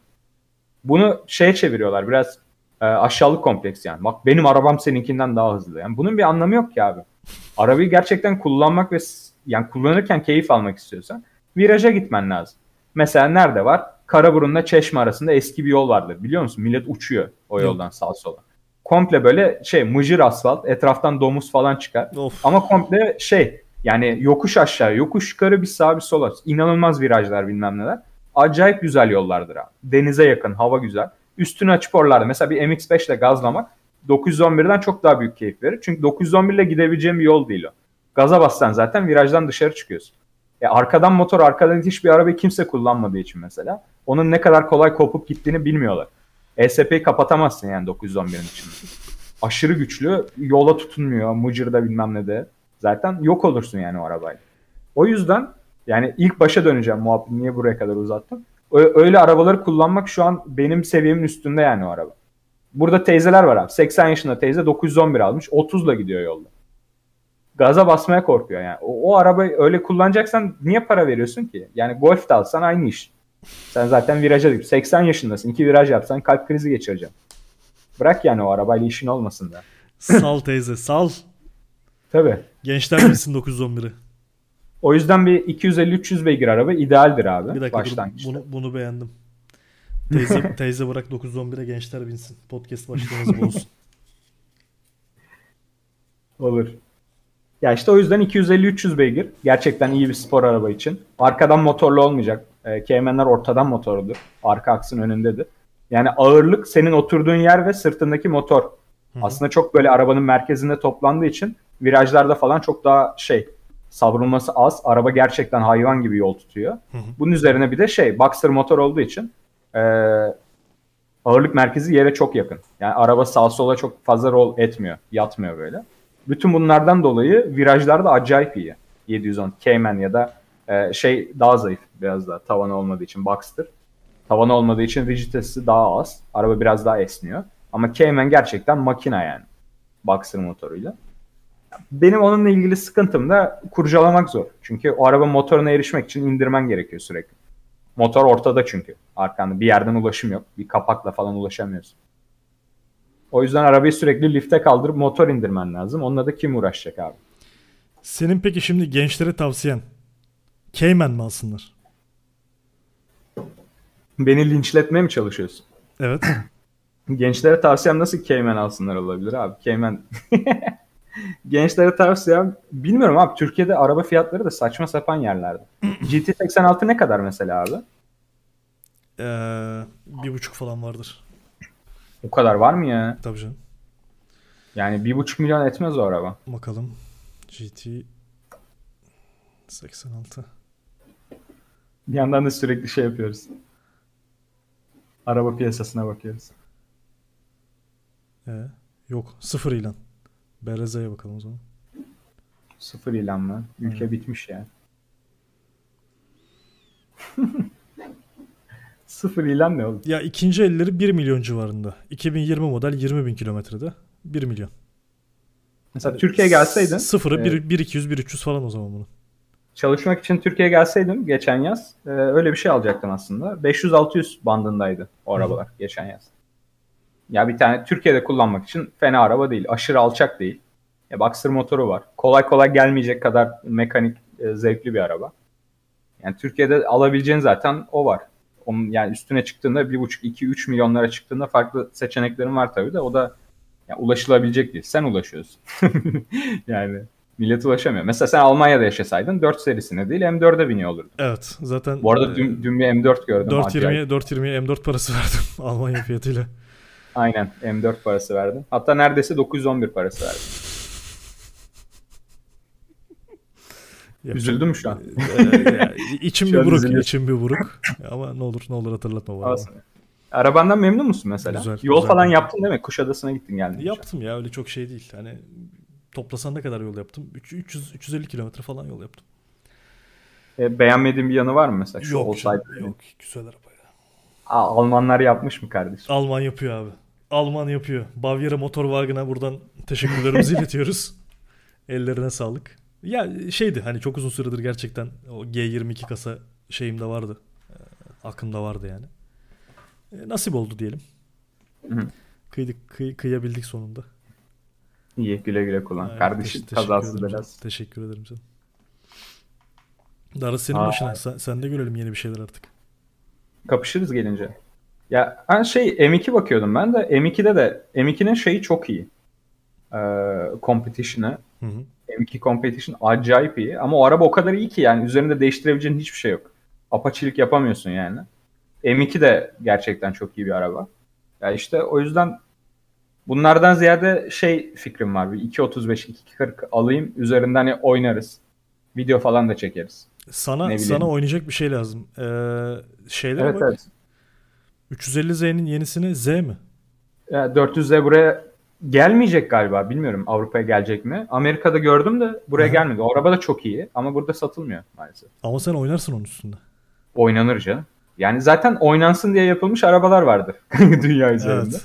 Mesela Z, Nissan Z serisi oynansın diye yapılmıştır. O stok Z yoktur yani. S2000 mesela. Stok S2000 diye bir şey yoktur abi. Dünya üzerinde.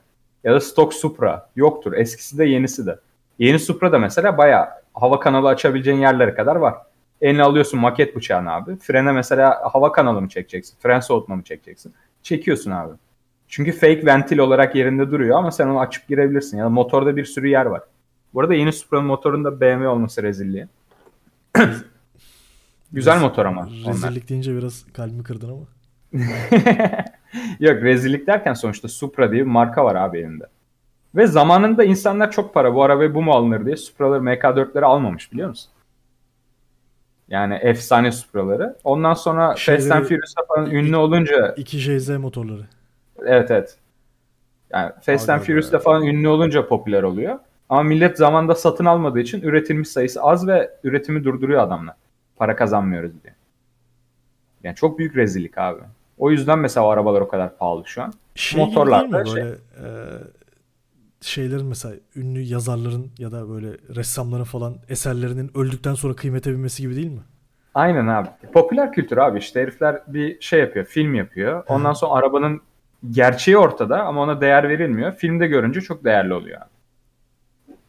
Şimdi mesela Yani- millet bağırır Supra Supra diye. Hmm. Eskiden Zamanında şey evet. yoktu, zamanında yoktu. Alacaktık aslında 5 tane falan garajı koyacaktık o zaman. Ne yapalım kardeşim ya? Oğlum burada da çok pahalı. Bir de temel sıkıntı sağdan direksiyon geliyorlar hep ya. Japon arabaları. Mesela e, ben RX-7 falan çok istiyorum. Hı hı. Ama RX-7 birinci araban olamaz yani. RX-7 zamanının yarısında dağılmış şekilde garajda yatacak bir araba çünkü. Yani birinci araban olamaz. İkinci, üçüncü araba olarak alıp garaja koymak istiyorum mesela. Sadece pist, plakasız. Trailerla götüreceksin, piste sokacaksın. Stresini atıp geri geleceksin. Öyle bir araba. Niye gün Ama şey yok. kullanmıyorsun? Abi gün içinde kullanmak sıkıntılı arabayı çünkü. Motor ömrü az. Ee, şey Ha. var. Vankel motor var. Ha Vankel motorlu. Oo tamam. Tabii. Vankel motor var. Bir de şey yani. Ya Vankel motorun ömrü 80-100 bin kilometrede. Hı hı. 100 binde bir motor atıp yenisini takıyorsun. Çünkü şey tamir falan eziyet yani onun. Basit olduğu için ucuz da. Yani pistonlu motorlara göre motoru da ucuz. Bir de aşırı yakıyor kanka. Yani gaza bastığında 25-30 litreyle geziyorsun. Ya günlük olarak işe gidip geliyorsun. Düşünsene 3000-5000 kilometre yapıyorsun. E 2 yılda bir motoru bitiriyorsun abi. Yani çok büyük ez- eziyet olur sana. Gereksiz bir para olur. Zahmetli. İşte rahat değil bir kere. Uzun yol yapmak için rahat değil. Gürültü çok. Yani spor arabadan bekleyeceğin her şey var. O yüzden spor araba olarak kullanman lazım. Yani günlük olarak kullanmaman lazım var bir. De onu ben basarım bayağı aşağıya. Yani yolda yürümeyecek halde kullanırım. Şeylerde de Vankel mi var? Yeni RX-7'lerde. Yeni RX-7 yok ki. RX-8 var. RX-8'de en son çıkan. Onlarda da vankel vardı. Bir tane bakıyorum Ee, şimdi de yeni yeni tasarım gördüm bir tane ama o gerçek değil herhalde ya. Ya, sallamışlar. Hay- hayali bir şey yapmışlar. Bilmiyorum. Görünce RX şey zannettim. Gerçek gerçek RX şey çıkıyor zannettim. RX-9 bekleniyordu aslında. Turbolu falan bir şey yayınlandı. Patent başvurusu vardı Mazda'nın. Onu millet "Aa, RX-9 geliyor. Yeni vankel motor falan diye millet yükselmişti ama bir şey çıkmadı. Mazda'nın bu arada motorları falan bayağı iyi. Yani herifler acayip yatırım yaptılar şeye. E, petrol engine'e. Yani gerçekten iler sektörü yürüten Mazda şu an. Şey e, açısından. Yani nasıl diyeyim benzinli motor teknolojisi falan açısından. Yani Mercedes'te falan herhangi bir çaba yok benzinli motor geliştirmek için. Çünkü komple elektriğe geçmeyi planlıyordu adamlar. O da çok saçma abi. Elon Musk çıktı diye koca koca şirketler peşine takıldılar. E şimdi Çinliler şey vermiyor abi. Bak şöyle bir şey gördüm. Attım hmm. sana fotoğrafını. Öyle bunu... görünce ben de şey zannettim. Yeni kasası çıkıyor zannettim. Görmedim ben bunu. Motor 1'de okumam lazım. Ama yeni RX 7 diye bir şey olmaz. RX 9 olur zaten. Ha, Çünkü okay. arada 8'i var zaten. 8'de çok enteresan mesela adamlar garip tasarımlar yapmışlar. Arka kapısı şey açılıyor. Küçük bir kapı var. Ve şey gibi bu Rolls Royce'lar gibi açılıyor. Mesela ön kapı sola doğru açılıyorsa arka kapı sağa doğru açılıyor. Ters açılıyor yani. O ne ya? ne? Öyle enteresan olayları. Arabalar o kadar ucuz ki mesela RX-8'i falan böyle şeye bulursun. 3000 euroya falan bulursun Almanya'da. Çünkü millet her yeri sürekli bozuluyor abi arabanın. Hmm. yani özellikle motoru. O yüzden millet cesaret edemiyor. Ama garajın falan varsa al topla. Arabanın şasisi falan acayip güzel. 1.3 litre vankel motor 231 beygir mesela. Şey yani turbo murbo hiçbir şey yok o haliyle. Sesi falan da güzel. Yüksek devir çeviriyor. Tam spor araba. Bu arada şey benzinle beraber yağ da yakıyor araba. Çünkü yağ yanma odasında geziyor falan filan. Neyse çok tekniğe girmeyeyim. Baymayayım senin. Alacaksan gençlere tavsiyen RX-8 mi alsınlar? RX-8. RX-8 var mı ki Türkiye'de? Çok nadirdir yani. Az, az vardır. Varsa da Çok az var. Kanka Türkiye'de benim gördüğüm en e, mantıklı araba 2.18i falandı zamanında ama şu an fiyatı nedir bilmiyorum. İkinci el 2.18'ler fena değildi. Hı. Hatta ben üniversiteyi bitirince Türkiye'de çalışacak olsaydım o yeni iki serileri de yeni çıkmıştı. Yeni iki serisi dediğim yaşlandı tabii. 6-7 yıl önceden bahsediyorum. 105-110 bin lira falan diye alınabilecek fiyatlardaydı. Şu an 1 milyon oldular. 1.2 milyon oldular. Boku çıktı yani her şey. Abi Türkiye'de araba fiyatları maalesef ya. Gerçekten inanılmaz saçma yani. Yani çözülecek, bizim elimizden gelecek bir şey de yok maalesef. Oyunuzu ona göre verin aga. Kaymanın, Kaymanların sıfırları ne kadar oldu ya? Sen ne oldu? BMW verip Porsche mi alacaksın? Beni böyle hep yayınlarda bir şeyleri iştahlandırıyorsun biliyor musun? Öyle öyle öyle güzel anlatıyorsun ki. Senin yüzünden bir ara şey bakıyordum ya. MX-5 bakıyordum bir ara senin yüzünden. Senin yüzünden ne abi? Alsaydın mesela derdin yoktu. Ödediğin kasko 5'te 1 olacaktı. Araba zevkli olacaktı. Üstüne açıp çeşmede gezecekti. Bunlar bunlar kaçtı Atapay Koç? Çok çok özür dilerim kardeşim.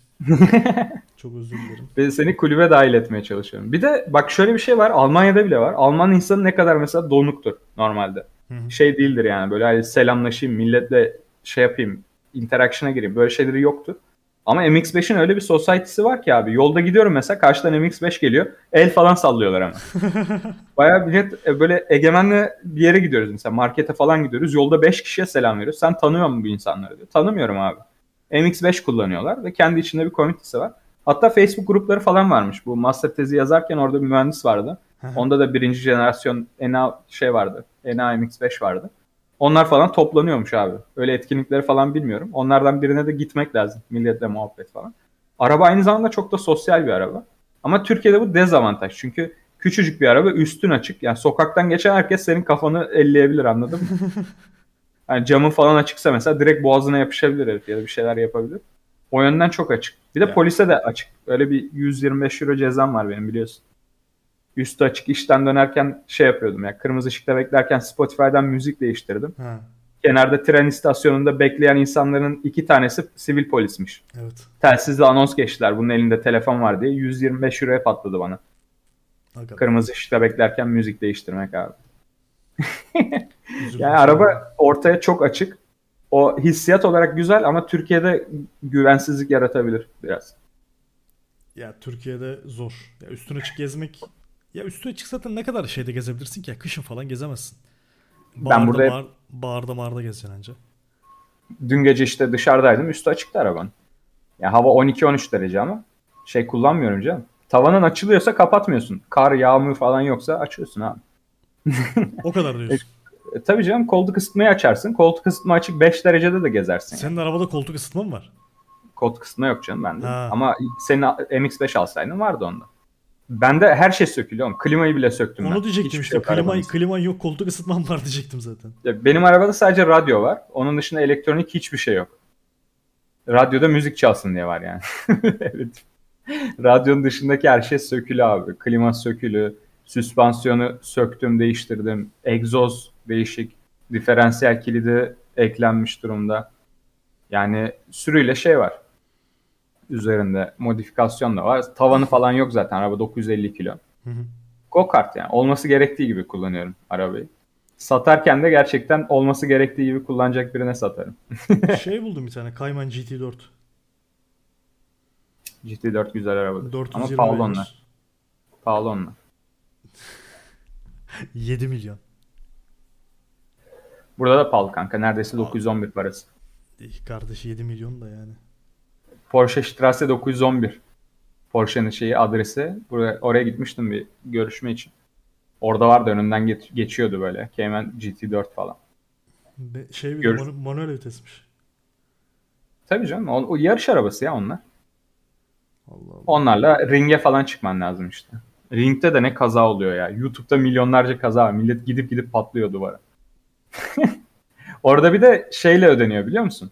Mesela şey çarpıyorsun ya. E, ne deniyor ona? Bariyere. Bariyere çarpıyorsun. Bariyerde yamulttuğun metre başına para ödüyorsun. Yani böyle çarpacaksan bir yere çarpıp durman lazım. Çarpa çarpa gidiyorsan yok oldun yani. Muhtemelen 150 bin euroya falan çıkıyorsun. Arabanı gelip çekiyorlar, parçalarını topluyorlar. Arabayı çekip parçaları toplaması 1000 euro tutar. Arabanın maliyeti zaten bir 8-10 bin euro tutar. Arabayı vurduğun için. Çok büyük bir şey olmadığını düşünüyorum. 8-10 bin euro bir arabayı toplaman tutar. Bir 3-5 bin euro kenarları şey yapman, vurman tutar. Orayı işgal ettin. İşte pist kapandı senin yüzünden falan diye. Seni acayip düdüklerler yani. O yüzden ben çıkmadım oraya. Bak yıllardır Almanya'dayım. Çok büyük eksikliğim abi. Ringe çıkmamak. Hacı olmak diyorlar ona. Millet hemen şeyini falan yapıştırıyor. Almanya'da öyle bir geyik var biliyor musun? Ring sticker olan arabaları almıyor millet. Bu Apache kullanıyor bunu diye. Ağzına sıçmışlardır bu arabanın diye. Üstünde ring sticker'ı varsa almıyorlar mesela. Sen, sence haksızlar mı? Yani çok haksız değiller ama o arabayı alıyorsan da zaten gidip Golf almıyorsun ki. Golf'ün üstüne ring sticker'ı varsa evet kötü ama benim benim arabanın zaten kullanım alanı orası. Bir de mesela güçlü olmayan arabanın öyle bir güzelliği var abi. Tapa gaz gidebiliyorsun. Düşünmüyorsun ya araba 300'e çıkacak diye. Çıkmıyor zaten.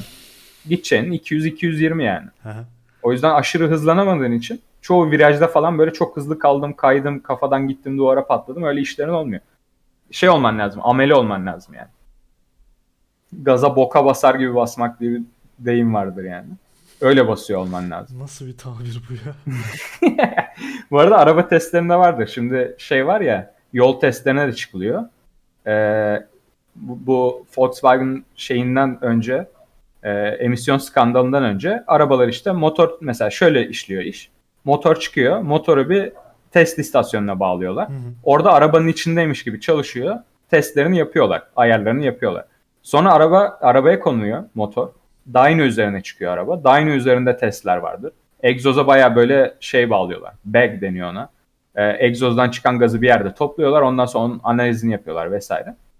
Ondan sonra ikisi birbirini tutuyorsa sokağa çıkıyordu direkt. Artık bu Volkswagen skandalından sonra sokakta da test edilmesi zorunlu kılındı arabaların. Şimdi sen arabayı test için sokağa çıkardığında ilk yaptığın ölçümlerle aranda mesela atıyorum %10'luk bir fark kabul edilebilir diyorlar sana. %10'un üzerinde bir fark olmaması lazım. Ama araba bir otomasyon sisteminin üstünde olmadığı için sürücüye bağlı oluyor bu sefer.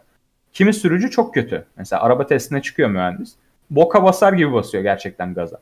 Gaz tepkileri o alanda çok böyle e, hava yakıt karışımları ani değiştiği için çok saçma emisyonlara ulaşıyor ve total emisyonu senin normalde mesela ben kullanırken %7 fark çıkıyorsa sen kullanırken %15 fark çıkabiliyor. Yani arabayı kullanan da düzgün kullanması lazım. O sıkıntılar orada da oluyor. O yüzden çok kullanılır araba testinde. Boka basar gibi basma şu gaza falan derler. Anladım abi. Insider boş muhabbet. Ha- harika bir e, şey bilgilendirici içerik oldu sayende. Teşekkürler. Evet abi işte otomotiv mühendisleri ne iş yapar diye düşünen varsa bunları yapıyorlar abi. Kahve içiyorlar. Geyik yapıyorlar. Rapor yazıyorlar. Boka basar gibi gaza basıyor. Boka basar gibi gaza basıyorlar. Aynen bu sırayla ilerliyor. Şimdi gençler Aa. ne alsın onu söyle. Kanka gençler e, coin alsınlar ya. Coin ne, ne alsınlar? Bilmiyorum ki şu an alınacak yerde mi? Ne de bekleyeceğiz abi? Ben e, benim planım şey böyle 32K'dan falan dollar cost averaging aşağıya doğru düştükçe kademeli kademeli bir şeyler toplamak mesela. Ben 25 görmek istiyorum. Tabii 25-20 oraya kadar gidebilir ama mesela geldi abi BTC 32K'ya geldi oradan 130'a gitti. Sen şimdi 25'i bekliyorum diye hiçbir şey almazsan e şey olur. Ya riskini bölüştürerek aslında almaya başlamak lazım. Ben ya borsacı mantalitesi açıkçası. Trade'den ziyade bu alanda mesela ben maliyetlenmek istiyorum. Belli bir alanına mesela 14K'nın 13K'nın altına düşerse BTC e, stop ederim diye düşünüyorum. Beklentim böyle çok uzun vadeli bakarsan. BTC almam herhalde bu ortamda. Ama BTC'den daha iyi performans göstereceğini düşündüğüm coinler alabilirim. Mesela bence Ethereum geleceği BTC'den daha açık. O yüzden BTC almak yerine BTC 25K'ya düşerse o anki fiyattan Ethereum mesela almak isteyebilirim. 1700-1800 dolara gelirse mesela Ethereum bence almak için çok güzel yani. Şeyde çok güzel e, düşünüyorum ben ge- gelebilirse eğer. Eski all time high'ı. 1440 mı? Hmm. Öyle bir şey. işte yani bence üçgen ihtimali yüksek e, şeyde Ethereum'da. Ethereum'da üçgen olursa eğer bir saniye götümüzden atmayalım grafikten bakalım. Hop 4 saatliğe döndüm. Yani üçgen olursa eğer mesela 2500'lerden 2600'lerden falan bir 3500'e oradan tekrar buralara falan gibi bir yapı da oluşabilir. Hı hı. Ya da BTC buradan dümdüz düşecekse Ethereum'un A eşittir C'si 1500 1490'a geliyormuş. Ee, 1440'da all time eski all time high'ymiş. O bölgeler aynen Ethereum için güzel alış bölgesi gibi duruyor. Bir dakika bir 382 çekeyim buraya. 1000 dolara geliyor. Gerçekten 976 dolara geliyor. Mesela 1000 dolara gelmesi bile normal bunun. Hatta şey 600 dolara gelmesi bile normal olur. Şey Ethereum neden e, neden oldu demezsin. Ama işte şeyin sıkıntısı yok. Sonuçta e, uzun vadede benim beklediğim hedef 11 bin dolar falan Ethereum'da. Bu nasıl biterse bitsin. E, 11 bin dolara gidecekse 1000 dolara düşmesinin bir sıkıntısı yok. 11x beklentim var zaten. Ya böyle aşağıya ulan %50 düşüyor stop olmuyorum diye bakabilirsin. Ama tam olarak öyle değil. Çünkü gideceğini beklediğin yerde 10x. 10x beklediğin yerde %50 aşağıda stopun olması hiçbir şey değil yani. Normal. Şey demezler mi peki? Kardeşim yalnız stopun çok geniş falan demezler mi? Desinler abi bana ne ben kazanacağım paraya bakarım. Milletin konuştuğu zerre umurumda değil yani. Onlar konuşsun abi sabah kadar. Onların konuşmasının bir şey yok. Biz kazanırız yok. onlar konuşur diyorsun. Hatta şey diyorum değil mi? Your stop my entry. Ha tabii tabii. yok abi aynen kimin ne konuştuğunun önemi yok abi. Benim benim ne gördüğümün önemi var. Ethereum şu an yani Bitcoin'den daha bullish duruyor. Ama ilk düşüşte de mesela ben hatırlıyorum bu Mayıs 2021'de falan Ethereum bir düşmüştü yani yok olmuştu böyle şeyden 4400 dolardan falan böyle 3-5 gün içinde herhalde 1700'e düştü. Acayip sert aşağıya geldi yani. Hı hı e, düşmeye karar verirse düşebiliyor yani. Ethereum'da. Abi şöyle bir şey... Fibonacci çektim de Bitcoin'in de 0.382'si 23 bine geliyor ya. Hmm. Bakayım ben de. Doğru mu çekmişsin Fibonacci? Böyle rezillik görmedim hayatımda. Nereye tepe aldığını bilmiyorum ki. Şeye çekmişsin. 69K'dan çekmişsin sen. E fark etmez bir, bir öncekine çek. 22'ye geliyor bu sefer de. 22'ye geliyor aynen. Bir tık daha aşağıya geliyor. Ya işte 20'ye kadar okey bence zaten düşmesi. 20'ye kadar düşmesine bir itirazım yok. 20'den sonra düşmeye devam ederse çok büyük sıkıntılar vardı. Yani 20'den böyle we can go falan olması lazım anladın mı? Çılgın alış gelmesi lazım. Yani öyle şeyler olmazsa mesela 20'de yatay yapıyorsa falan aşağı bakıyorsa böyle çok ciddi sıkıntılar var. Geç, geçmiş olsun Kripto diyebilir miyiz? Yani geçmiş olsun der miyiz bilmiyorum. Bir oraya gelsin bakarız ama beni tedirgin eder yani öyle diyeyim. Çünkü güvenim çok yüksek yani. Tekrar 5K 10K'ya döneceğini düşünüyor muyuz BTC'nin? Ben en azından şu an düşünmüyorum yani oralara gelmesini. 5K gelmez muhtemelen de 10K'nın gelmeyeceğine bir şey diyemem ya. Kanka çok aşağıda bir de sayımı ne yapacağız? Yani elimizdeki sayım da yani ne olacağı belirsiz. Burasını 1-2 diye sayarsan Ama ben buna bir bak 20 bin yak neresi hatta burası? Tam 20 bin ya. Ben 20 binden buna kurşun sıkmak istiyorum. 20 binden almazsan döverler zaten Atapay Yani. Koç. Hani Yani- 25 bin şey mi? Abi 20 bin 20 bini verir misiniz bana sevgili market maker? Şey attın mesela 20 binden buy order'ın hazır mı mesela? Atamıyorsun galiba belli bir şeyi var. Ee, belli bir yakınlık seviyesi muhabbetleri var. Şu an otur mesela işte? 20 bine atamıyorsun işte 24 bine falan gelmesi gerekiyor ki 20 bine atabilesin gibi böyle şeyler var. Bak her gün yeni bilgi öğreniyorum. Hiç denemedim böyle bir şey yapmayı. Emin değilim ama Evet. sanki öyle bir şey var. Belli bir uzaklığa kadar koyabiliyorsun emirleri. Anladım abi. Şeyde yer işgal etmesin diye. Serverlarda yer işgal etmesin diye. Boş yer kaplamayın. Diyorlar. mantıklı sonuçta hız hız önemli borsada. Hı hı. Ee, oradaki yani price eşleştiren sonra bir orada bir şey kullanıyor. Emir eşleştirme motoru kullanıyor. Ona kadar efektif çalışabilirse borsa o kadar düzgün işler emirler. E sen devamlı abuk sabuk emirler girersen ve orayı meşgul edersen e, yok yere şey olur ya yok yere problem olur yani. Bıdı bıdı yapma kral diyorsun. Aynen kalıbın adamı ol yani. Ata pala, pala pay koç. Evet sen sen biliyor musun onu? Benim e, anlatmışımdır bu hikayeyi de. Ee, ne zaman? Haziranda mı düşmüştü bu? Bakıyorum. Mayıs. Mayıs'ta Ethereum'un ilk pardon Bitcoin'in ilk 30 bine düşüşün olduğu gün. Hı hı. Ee, benim şeyim vardı. Ethereum işlemim vardı o gün. Binance kullanıyorum. Ee, Ethereum long açacağım 2000 dolardan. Aha. 2000 dolardan açtım. 2000 dolardan açtım galiba. Şeye girdim. Ethereum tahtasına girdim. Alacağım büyüklüğü yazdım. Baya bastım. Bitcoin'de alım yaptı. Şimdi bak sıkıntı ne?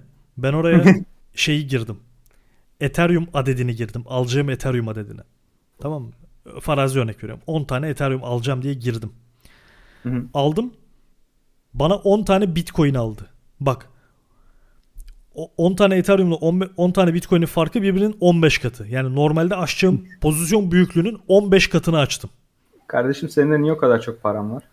O kadar Ee, paran olmasa da dertlerin olmayacaktı. Sonra kapattım. Bir, bir zarar etti tabii o volatilite de hemen ani şekilde kapatmam gerekiyor çünkü ne olacağını bilmiyorum yani. Hı hı. Bir daha denedim. Dedim ulan yanlış şeye mi girdim? Hani yanlış tahtaya mı girdim? Bir daha abi e, tekrar şeyini yaptım. Uygulamayı kapattım. Tekrar girdim. Ethereum'da olduğundan emin oldum. Bir daha long denedim. Yine Bitcoin'de alım yaptı. Bir daha kapattım. O iki Bu hıyarla yapan bir şey mi? Binance mi? Binance'te oldu bu. Bu iki işlemden zaten sağ olsunlar e, şeyimi kaçırdılar, tadımı kaçırdılar. Biraz daha ortam sakinledikten sonra, hız düştükten sonra bir daha alım yaptım. Bu sefer Ethereum'dan alabildi. Ben 2000 dolardan aldığım Ethereum'u e, 2800 dolara kadar taşıdım. Hı hı. 2800'de kapattım ve o gün 0'a 0 çıktım.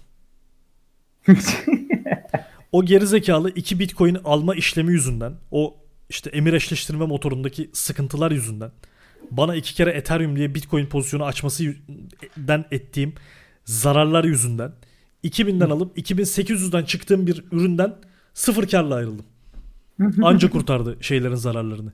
Bitcoin işlemlerinin zararlarını. İyi en azından şey yapmış ya. Zararını çıkarmış. E çıkardı ama sevinemedik yani. Olsun be Atapay Koç. Rezil bir şeydi. Rezil bir gündü. Senin de sıran gelir. Ee, Ethereum, Ethereum buradan kalkar mı bir tur daha aşağı mı yapar diye bakıyorum. kaç dakikalık? 15 mi? 4 saat. Sanki bir kalkası var gibi. Hala o şey sanki 2600'e gelecek gibi duruyor da. Demand bölgesi. Sen o grafiği attığında millet oraya düşer mi lan? Hayal kuruyorsunuz. Götünüzden atıyorsunuz falan diye Millet gerizekalı ya. Gerçekten gerizekalı. Kardeşim millete gerizekalı demeyi yasaklamıştım ben burada. Sen niye hemen... bir e, biriyle görüşüyordum dün. Aha. Ondan sonra muhabbet ediyorduk falan. İşte ne iş yapıyorsun dedi. Ben dedim böyle işte kripto para alıp satıyorum falan. Aa dedi ne alalım? Abi dedim yani. Şimdi bu, bu, bu kadar basit cevabı olan bir soru değil yani. Ondan sonra e ne bekliyorsun markette falan dedi. Ya dedim bir bitcoin 25 lira falan gelirse Hani oradan artık dedim şey yapılır. Yani oradan herhalde oradan spotta mal almak üzmez. Öyle düşünüyorum. Aha. Onu söyledim adama. E şey diyor. E oraya kadar gelirse diyor düşmeye devam etmez mi diyor. Yani şimdi burada da durması çıkacağı anlamına gelmiyor ki. Bu şey mi abi dolar mesela atıyorum eee, ne kadardı 20 lira falan mı olmuştu bir ara? 18'e kadar çıktı. Tamam Dolar mesela TL. 18 nereye çıkmış abi? 18.25'ten 10 liraya düşmüş Hmm, dolar TL. Çok hızlı şekilde düşmeye devam etti? Şu an 15. Evet. Düşmeye devam etmedi yani.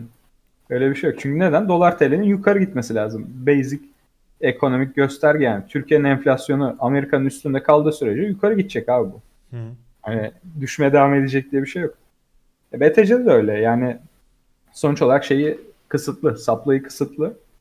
Supply'ı kısıtlı olan bir şeyin e, demand'i sabit kalırsa bile aynı yerinde kalacak ya da hafif düşecek. E, demand'i arttığında supply kısıtlı olduğu için karşılayamadığından fiyat yükselecek. Yani. Hı hı. Bunun mantığı bu. Yani genel olarak düşmeye devam edecek diye bir şey tabii ki yok. Ama işte adam bilmiyor abi. Adam bilmediği için Ya tabii canım adamın şeyi bu değil sonuçta. Ee, adamın İşi uzun, bu uzun, değil. aynen işi, işi bu değil. Ya öğrenmek Bunu yorumlayamıyor. Evet Aynen. onu şey yapamıyor mesela. Yorumlayamıyor. İnsanlarda da Yani. böyle şeyler var ya adam kalkıp bana işte Twitter'dan ha bu işte sen çok beklersin falan öyle olur falan yazmıyor tabii. Adam düzgün bir insan yani. Sadece hani kafasına oturmamış o. Anlamadığı şeyi sordu. Bizim Twitter'daki oğlanlar geliyor abi. Ha işte sen çok beklersin sen elimizdeki malı işte al- alamazsın bilmem ne şöyle böyle falan. E sonra görüyorsun abi. İnanılmaz ya. Yani boğa döneminde böyle eskaza işte 3-5 kuruş cebi para gören herkes kendini çok akıllı zannediyor. E Market onlara o kadar akıllı olmadıklarını gösteriyor işte. Tamam işte son bir yılda o boğada havadan para kazananlar paralarını geri verdiler. E tabii. çoğunlukla. Klasik bir laf vardır abi. Otto von Bismarck'ın lafıdır bu da. Ee, para hak etmenin cebinde durmaz Atapay Koç. E doğru. Bence çok doğru. Yani bir Yani. şekilde o adamın cebinden çıkıp senin benim cebime giriyor o para. Tabii yani uzun vadede illaki böyle sonuçlanıyor iş. Yapacak bir şey yok. Kalpleri Ne yapalım Atapay? Kalpleri kırılıyor insanların ama şeyimiz bu. Aynen. Olacaklar bu. Da- dağılalım mı? İşimize gücümüze bakalım. Abi. Evet, istiyorsan şeyi kapatalım. Tezgah kapatalım. Tezgah kapatalım. İşlerimize yoğunlaşalım. Aynen. Ee, Teşekkürler muhabbet için Atapay Koç. Ben Yine teşekkür baş- ederim. Ka- katılımın baş için başa bir- katılımın için çok teşekkür ederim Lekli Kolu. Bugün vakit ayırdın. Ee, Aynen. Şey yaptın. Maaşları bir tık arttırman lazım ama geliyoruz buraya boşa şey yapıyoruz yani. Ee, Bıdı bıdı yapıyoruz. dıt dıt dıt dıt dıt Şey dıt. diyoruz tünele giriyorum pardon. Çekmiyor, çekmiyor kardeşim. Evet, Sharkcast 11. bölümün sonuna geldik. Bu bölümde konuğumuz yoktu. LLO ve ben baş başaydık. Bir sonraki bölümde görüşmek üzere. Kendinize iyi bakın. Hoşçakalın.